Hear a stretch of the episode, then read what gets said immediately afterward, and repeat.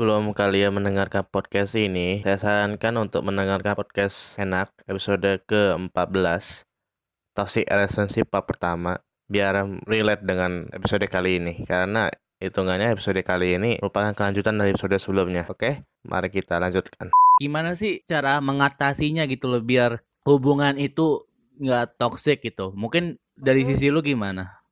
Kalau aku dari pertama sih pertama sebelum kamu terlibat atau terjun ke dalam suatu hubungan dengan orang lain kamu harus benar-benar tahu orang itu lebih dalam harus tahu mulai dari mungkin kalau gimana ya kayak gali informasi lah tentang dirinya dia tentang gimana pokoknya gimana cara dia bisa menyelesaikan konflik gimana dia bersikap.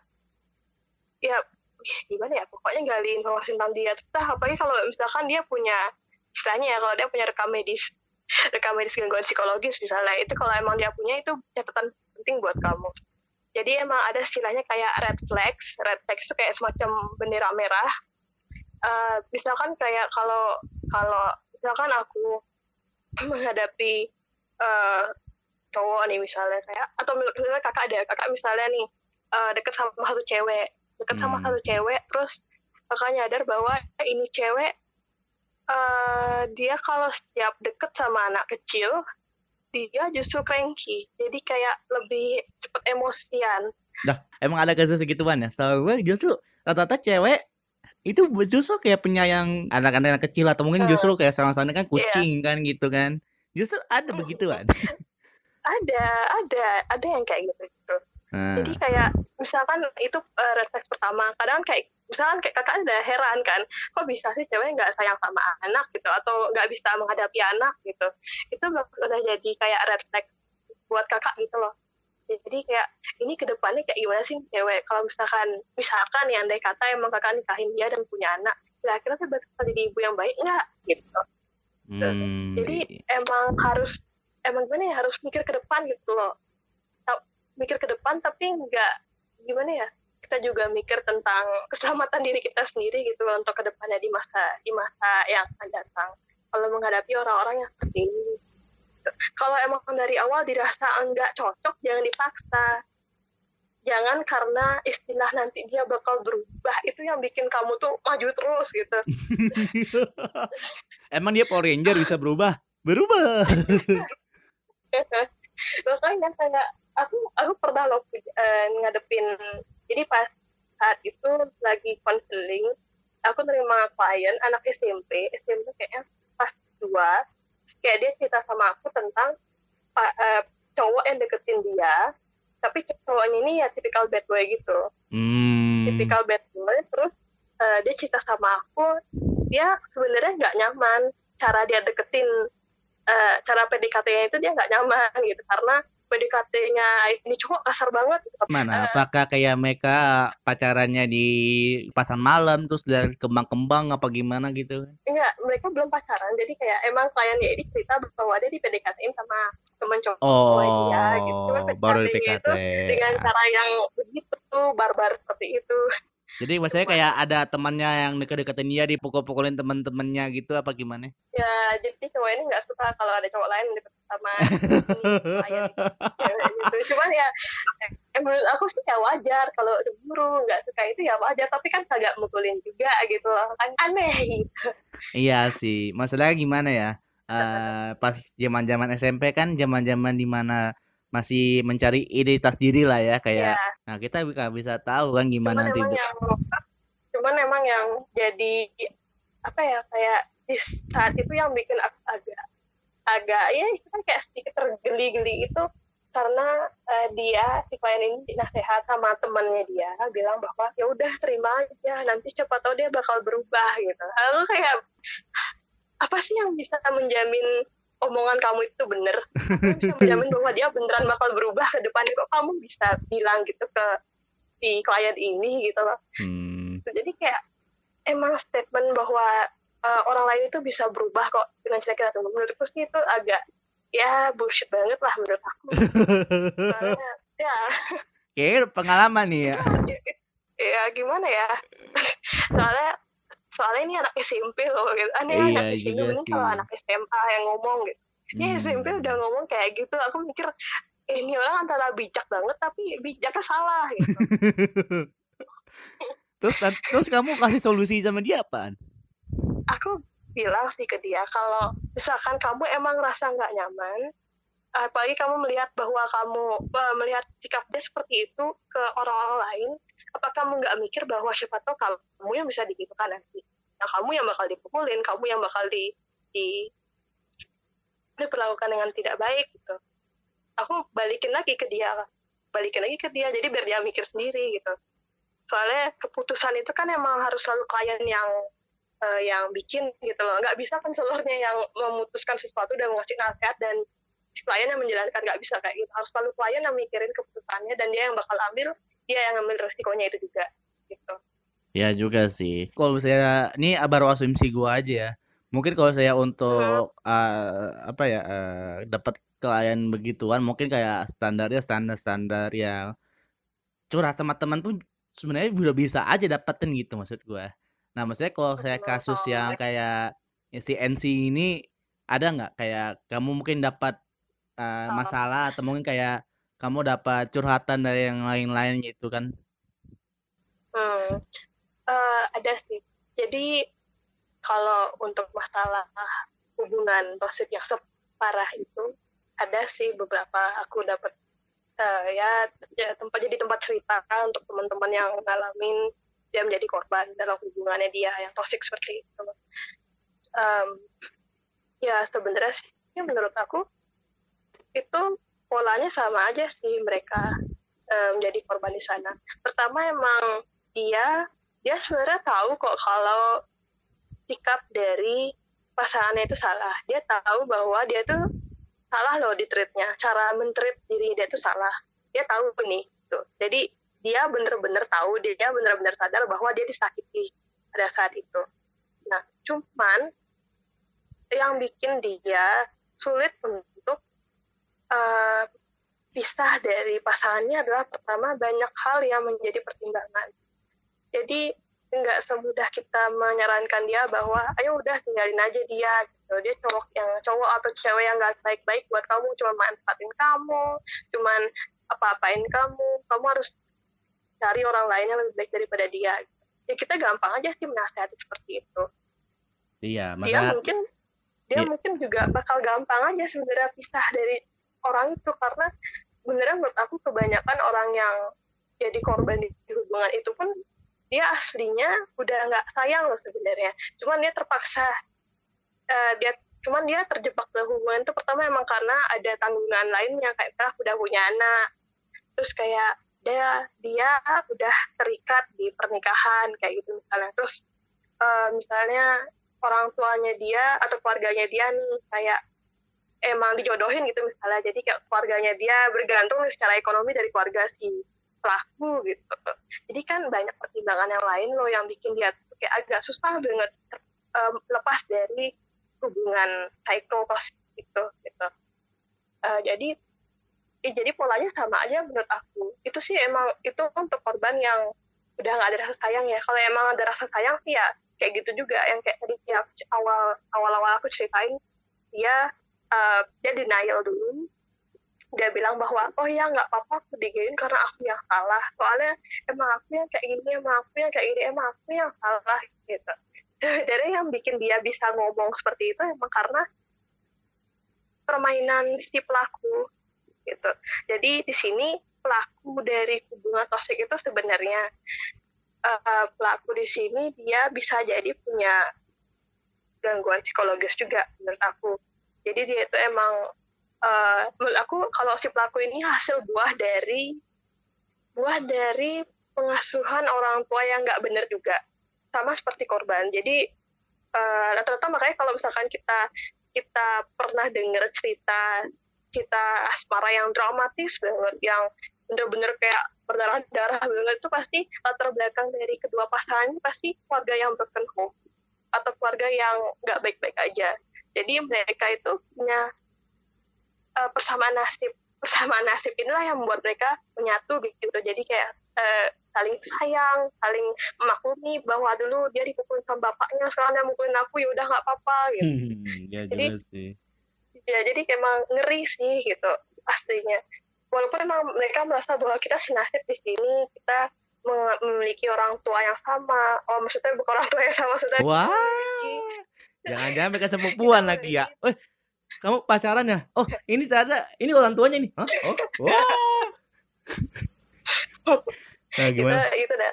Jadi jadi emang agak ya benar-benar complicated banget sebenarnya hubungannya kayak gini gitu. Hmm. nah menurut kamu ya ini menurut kamu bucin itu boleh nggak sih? Menurut aku bucin itu boleh. Boleh kalau emang uh, boleh sesuai takarannya menurut aku Nah, sebenarnya makna bucin itu apa sih sebenarnya? Aku nggak ngerti loh kenapa terus bucin tuh bisa terbentuk gitu. Siapa sih yang bikin sebenarnya? Menurut apa ya? Menurut aku tuh nggak masalah kalau kamu mau bucin sama orang, asal kamu juga dibucinin balik gitu. Oh, gitu ya. Iya. nah, masalahnya gimana ya? Uh, maaf kata untuk bucin sendiri kan ada yang positif atau negatifnya kan. Tadi yang ya, mungkin kayak uh, uh. Mungkin negatifnya tadi salah satunya mungkin ya dari yang si kasus yang NC tadi ini mungkin dari pihak ceweknya kan mungkin kayak uh, udah oh, dia iya. udah cinta sama dia mungkin ya gua nggak tahu ini apakah benar atau enggak itu kayak menurut gua ya itu mungkin dia udah bucin jadi kayak udahlah dia mau apain gua? Maksudnya kayak dia gua udah sayang sama dia jadi akhirnya sayangnya itu disalahgunakan oleh si NC ini. Menurut gua itu dia termasuk bucin. Nah itu menurut tuh bener gak sih asumsi gua um, mungkin kalau penggunaan istilah bucin bisa dipakai di, biasanya dipakai sama orang-orang awam sih. Cuman kalau hmm. menurut aku ada kok alasannya uh, alasannya kenapa si cewek ini bisa sebegitunya ini cowok. Apakah uh, justru dan, apakah justru si NC-nya ini megang sertifikat tanahnya si ceweknya ini apa gimana? nah, itu masalah kalau masalah kasusnya dia nih aku juga berharap aku bisa tahu lebih dalam masalah kasusnya itu cuman kemungkinan ya gimana ya kalau dari yang aku dengar uh, dari yang aku tahu sih dari yang sempat viral gitu memang uh, si ibunya si NC itu pun juga minta loh minta si korban min, untuk minta tolong korban juga buat gugurin kandungannya dia gitu. jadi si korban korban kan udah udah berkali-kali nih uh, udah aborsi, udah berkali-kali aborsi. Cuman katanya kebetulan kandungan yang kemarin itu uh, dibilangnya kuat gitu. Jadi nggak nggak nggak eh, nggak mempan obat aborsinya dan aku nggak tahu sih apa yang nyebabin akhirnya dia memutuskan untuk cerita dan terblow up cerita ini. Cuman uh, kalau dari yang sempat viral itu juga ada chat dari apa ya? Chatnya si si mamanya cowok si itu cowok minta tolong bahwa kalau kamu sayang sama ini gugurin ya kayak gitu. Iya juga sih. Mungkin kayak gimana gue udah, udah cari sumber juga di YouTube uh, demi perkontenan duniawi ini bahwa uh, apa ya uh, mungkin kayak gimana ya si NC ini fetisnya maaf kata fetisnya itu uh, fetisnya itu justru dia seneng bahwa dia senang uh, apa ya mengeksploitasi kayak pikir-pikirannya itu kayak mengeksploitasi atau ngeseks yang si ceweknya ini sampai dia hamil. Jadi itu menurut gua itu kayak eh menurut dia itu kayak kalau dia hamil itu is very hot itu kan kayak wih enak nih ya udah lanjutin aja gitu kan. Ya, ya. nah itu mungkin fetisnya gitu. Uh, ya sebenarnya gimana ya? Kalau aku ah, harus buka kamus lagi masalah fetis gimana ya Fetis itu menurut gue ya, menurut gue itu fetis itu kayak apa ya? Uh, gairah, gairah cowok buat apa ya? Ya, ya. Gairah, gairah. Ya, tepatnya gairah sih, gairah untuk apa ya? Seks lah gitu lah. Nah, kalau uh, istilah fetis yang beredar di masyarakat ini aku nggak tahu apakah itu emang cuman sekedar istilah fetisnya doang, apakah fetistic disorder. Jadi memang ada di uh, memang termasuk ada yang namanya gangguan psikologis fetistic disorder. Jadi semacam orang itu dia terang eh, dia sumber rangsangannya itu adalah satu hal yang non seksual gitu. Jadi kayak satu hal yang aneh tidak wajar tidak ada hubungannya sama uh, tidak ada hubungan sama gimana ya? Gimana bilangnya ya pokoknya dia itu tidak menunjukkan rasa non seksual gitu loh. Misalnya kayak dia fetishnya sama apa? Ya apa sih? Fetishnya sama sepatu sama celana celana, biasa aja sih. Sepatu misalnya atau fetishnya sama sama apa ya sama pintu kayak gitu sama bangunan sama mobil kayak gitu misalnya. Hmm. itu kan kayak apa uh, apa yang kamu uh, gimana ya kayak apa yang kamu temukan di dalam mobil itu yang sampai bikin kamu tuh sampai bergairah gitu loh. Hmm. gitu makanya ada istilah kayak fetish ini yang makanya aku tanya dulu fetishnya di masyarakat ini apakah emang sekedar fetish eh, fetish yang sengaja di dia kayak ya masyarakat biasa lah netizen kan asal ngambil kata terus dipakai pakai gitu aja. Iya nggak tahu dah itu gue bener nggak tau nggak gue nggak tahu deh itu mungkin penggunaan kata itu benar atau enggak ya. Oke deh. Ini mudah merujuk ke lebih mendalam tentang apa uh, seksualitas karena ini ya mungkin kalau biasanya orang-orang justru jam-jam segini emang lebih pas ya sih untuk membaca begitu tapi uh, maaf untuk kopi ya. kebeginian ya untuk kita coba luruskan lagi topik sebenarnya ini ada lagi nggak sih yang kamu pengen sampaikan gitu uh, mungkin kayak buat menutup episode kali ini karena gue juga bingung gimana mau nanya lain lagi eh. jadi gimana ya um, uh, apa sih ya mungkin uh, melihat dari ya sebenarnya kalau aku kebanyakan melihat kasus-kasus hubungan toksik ini sebenarnya kasus yang di luar negeri. Jadi kalau di luar negeri itu mereka udah sangat aware. Jadi bahkan kayak udah saling ada komunitas sendiri gitu untuk untuk saling member, memberdayakan sama perempuan, sama korban, uh, support group kayak gitu itu udah banyak ada. Cuman kalau di Indonesia mungkin termasuk hal-hal yang masih uh, kalau dibilang jarang diomongin kayaknya gimana ya eh, nggak uh, jarang diomongin juga gitu. Cuma kalau pada saat ada berita boomingnya aja baru udah diomongin gitu. Tapi nggak pernah ada yang mau mengedukasikan bahwa hubungan kesehatan seperti ini loh. Kalau misalkan orang itu udah sampai ingin kamu tuh artinya tidak baik loh. Itu menurut aku juga karena pengaruh uh, kultur di kita sendiri sih di Indonesia itu kayak ya sorry nih kalau misalkan ngomongin tentang agama kita kan tahu sendiri mayoritas agama di Indonesia itu apa. Katanya sih ya mengenai tentang pacaran kan.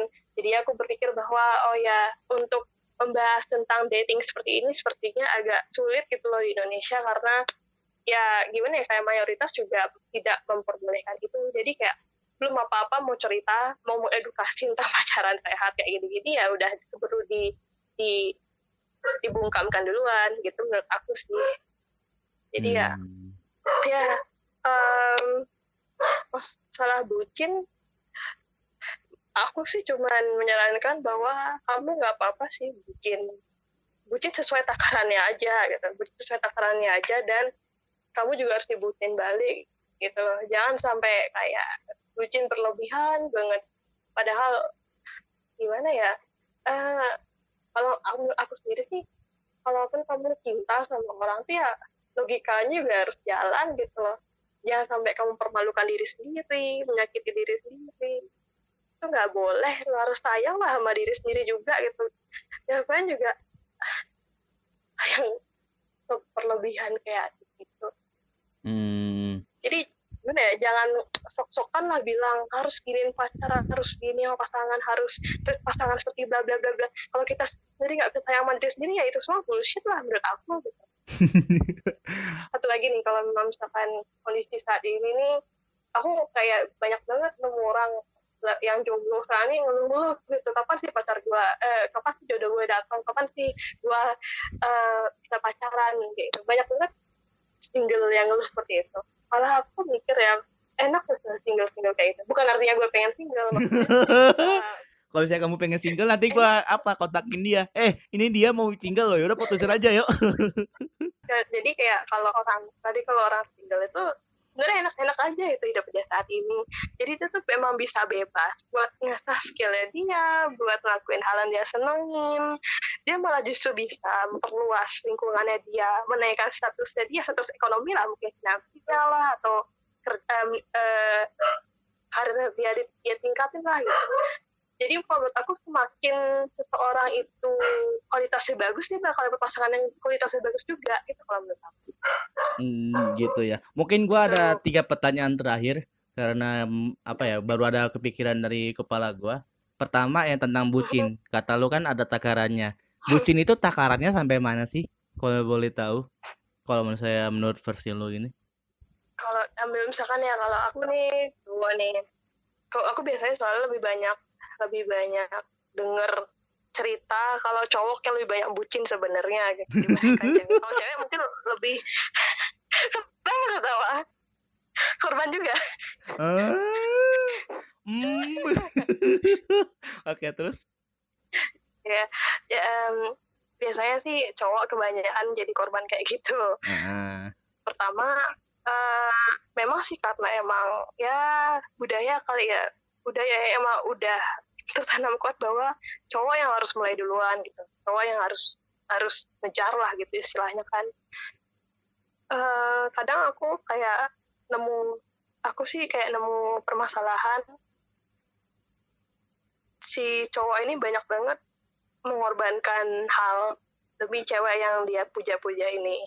Jadi kayak mulai duit mulai uh, duit tenaga waktu sampai perasaan juga itu dia kulas habis gitu sebenarnya sih ya uh, gak masalah kalau kamu mau ngorbanin sesuatu gitu loh. Asal kamu tahu emang orangnya ini tepat buat kamu.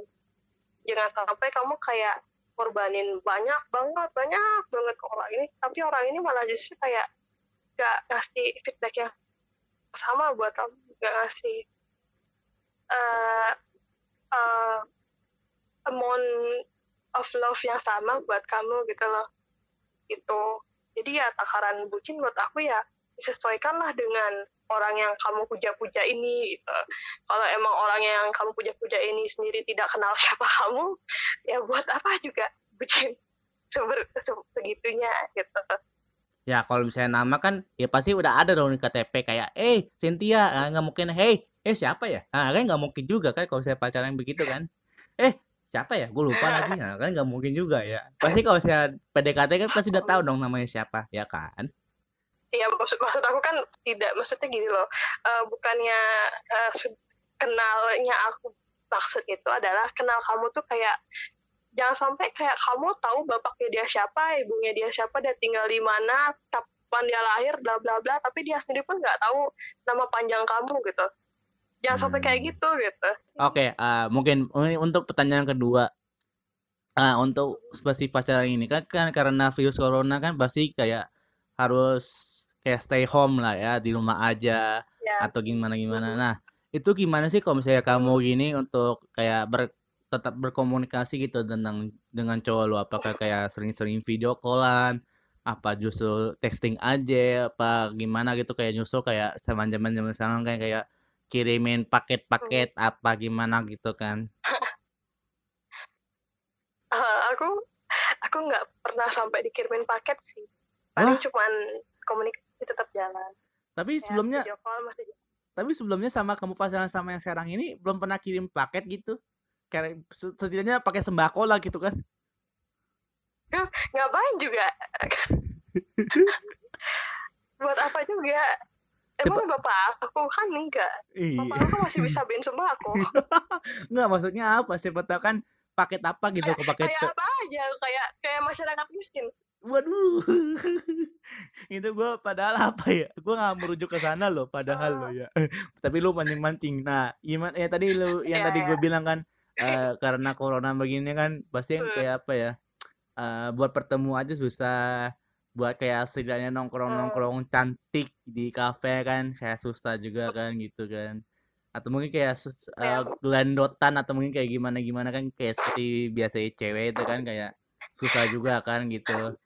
Nah itu gimana sih lu biar kayak hubungan tetap lanjut terus lah gitu kan walaupun hmm, kalau aku sih lebih menekankan pada komunikasi sih.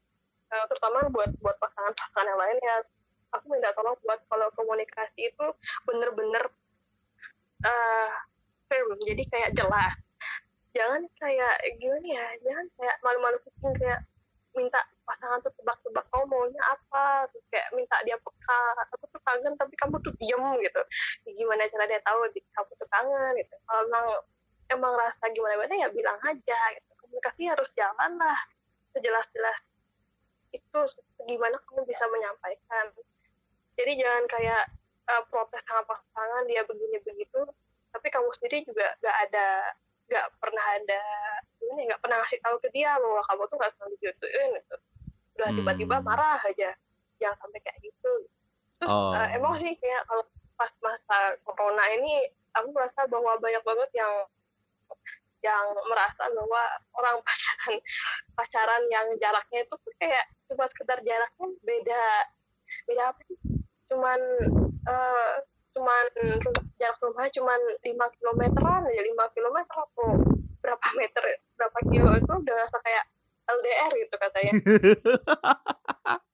tapi kayak ya ampun lebay banget sih gitu.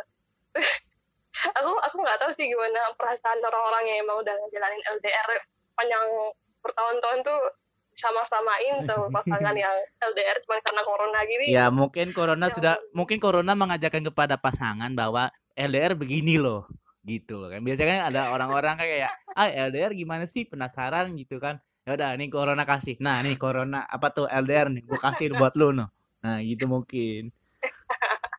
Iya ya. Hmm. Wah nggak kepikiran sampai sana kok Iya dong. Nah, terus yang pertanyaan ketiga. Ini kan sebelum kita membahas tentang pertanyaan ketiga ini, gue pengen nanya dong, jarak umur antara lu dengan cowok lu ini berapa tahun? Kalau boleh tahu? Hmm, cuman setahun Oke. Ah, biasanya ya, ini menurut asumsi orang bahwa dan juga udah survei-survei bahwa biasanya kalau hubungan udah la- lama itu kan pasti kan apa ya seperti biasa bahwa tujuan utama pacaran kan pasti pengen menikah kan.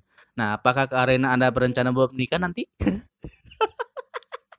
ya iyalah ya ampun nggak mungkin lah enggak gitu Eh, jadi pacar aku tuh cuma sekedar jadi pacar doang gitu Berarti hitungannya apa ya? Bakal nikah sama orang yang sama berarti ya?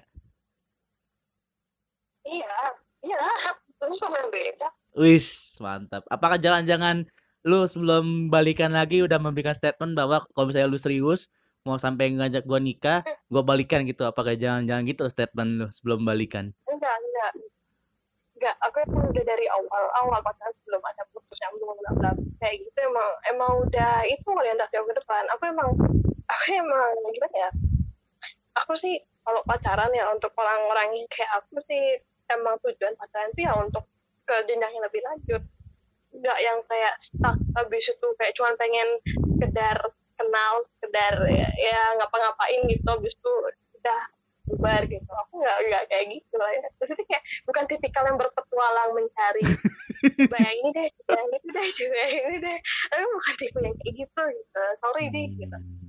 sebenarnya nggak semua cewek sih kayak gitu. Jadi emang balik lagi ke manusianya lagi.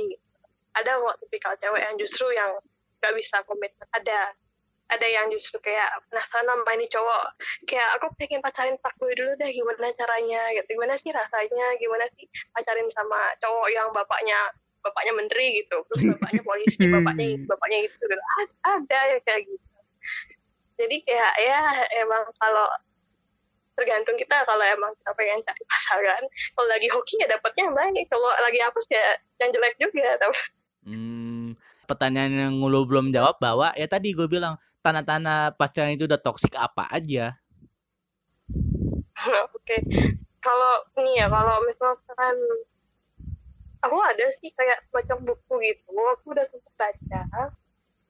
Kalau untuk contoh-contohnya itu banyak sih ini ada contoh 50 contoh. Waduh, red flag.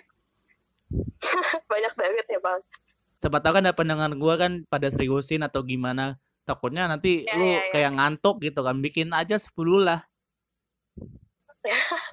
ya ya jadi emang yang paling sebenarnya yang eh, gini eh, kita kita itu sebenarnya gimana bilangnya ya untuk tahu bahwa hubungan ini toksik apa enggak itu kita harus ngikuti ha- eh, firasat kita aja sih itu itu yang pertama kalau emang kita ngerasa emang udah nggak aman ya udah berarti emang ada sesuatu di hubungan ini yang bikin kamu tuh merasa tidak aman merasa takut. Biasanya sih ya kalau tipikal hubungan yang udah nggak sehat eh, eh, tipikal pasangan yang tidak sehat itu pertama yang biasa gaslight. Jadi kayak gaslight itu istilahnya eh dia dia malah justru kayak gimana ya bilangnya kayak gaslight itu tipik eh, contohnya kayak kita protes tentang suatu hal ini tapi dia malah nyalain kita balik. Kayak gitu. Jadi misalkan kayak aku protes bahwa uh, kamu kamu deket sama ini ya ini siapa siapanya kamu gitu misalnya. Aku cuma nanya kayak gitu aja nih gitu.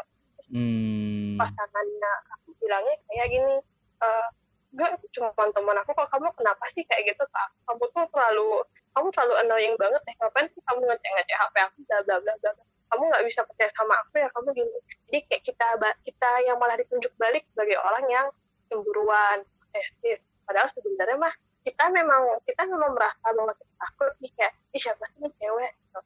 kita kan udah ada firasat nih bahwa ih siapa sih dia? Kayak kayak kita udah mulai takut eh, cewek ini siapanya dia? Gitu. Kita mau nanyain baik-baik nih tapi malah kita disalahin sama dia karena kita terlalu banyak nanya terlalu banyak eh, dibilangnya terlalu sensitifan terlalu cemburuan kayak gitu. Itu udah tipe orang yang nggak sehat sebenarnya terus eh, biasanya sih orang kayak gini dia dia terbilang susah sih berempati sama orang jadi kayak misalnya kalau mungkin beberapa orang yang pernah berhadap, berhadapan sama pasangan yang berhadapan dalam situasi bersama pasangan yang seperti ini misalnya kayak kita kita misalnya marah. Misalnya kita emosi kita marah terus kita berusaha menyampaikan permasalahannya itu apa kepada dia. Terus dia responnya adalah kaku diem. Dan malah kayak eh, malah kayak ngasih punishment dengan cara kayak silent treatment biasanya kayak gitu. Jadi kayak kita kita tuh bilang kok sama dia kita mengkomunikasikan permasalahannya itu ke dia. Cuman dia memang emang pada dasarnya emang itu lah jadi kayak orang ini ngasih silent treatment. Jadi em, kitanya udah mengkomunikasikan, dengan baik gitu. Ya biasalah kalau kalau dalam hubungan mah sama kali mengkomunikasikan satu permasalahan dengan cara yang mungkin nangis lah mewek mewek lah beberapa saat.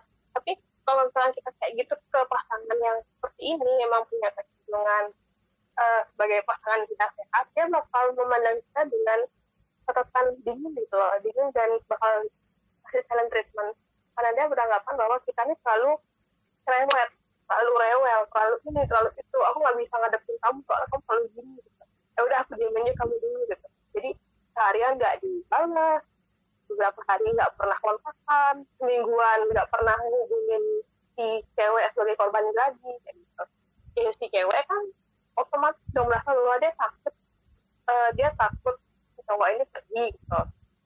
Makanya eh, ini cowok emang senjatanya kayak gitu. Dia ngasih silent treatment. Senjata dia itu silent treatment. Jadi dia si cewek itu eh, lebih apa ya kayak mereda meredanya itu dalam artian kayak eh, melunak melunaknya itu dengan cara merendam sendiri emosinya dia merendam sendiri eh, perasaan sakitnya dia. Jadi ya di sana lah denialnya kadang korban-korban itu. Dia denial bahwa ya udah nggak apa-apa karena aku yang emang salah karena aku yang emang dibilang sama dia cewek karena memang aku yang gini aku yang gitu. Sebenarnya dia denial itu emang karena un- hanya untuk biar si cowok ini nggak nggak ninggalin dia. Karena dia emang tahu rasanya si cowok ini bakal ninggalin dia. Karena emang yang cowok ini eh, ngasih punishment dengan cara silent treatment gitu. di pas di masa silent treatment aja si cewek ini udah gila-gilaan kok nangisnya sakitnya apalagi kalau ditinggalin sama nih cowok. Makanya cowok ini kasih ancaman dengan berupa silent treatment. Yang silent treatment beberapa hari berapa bulan gitu bisa aja. Itu itu paling umum sih itu yang paling umum contoh-contohnya. Hmm, yang lebih mudah di apa ya, lebih mudah dipahami dan lebih mudah mungkin udah bisa apa ya, udah ada di lapangan lah begitulah rata-rata ya. Hmm, gini sih, nah, yang paling mungkin paling umum itu adalah kebiasaan bohong. Kebiasaan bohong itu yang paling bisa di spot sebenarnya. Jadi mungkin ya kalau misalkan kita kita kita kalau misalkan punya pasangan yang sering bohong, bohongin temen misalnya, kita sampai nggak mikir bahwa kira-kira dia bohongin aku juga nggak ya, gitu. Sampai nggak kita punya pemikiran kayak gitu sebenarnya wajar sih kalau kita punya pemikiran kayak gitu karena emang kita sendiri punya kita memegang nilai yang baik gitu loh bahwa kita tuh nggak boleh membohongi orang lain gitu. Itu udah ditanemin dari kecil sama orang tua kita. Iya, nah ketika kita melihat pasangan kita ini membohongin orang lain kalau kita lihat pasangan kita ini ngebohongin orang lain kita juga bakal mikir dan bakal bakal merasa was-was gitu loh.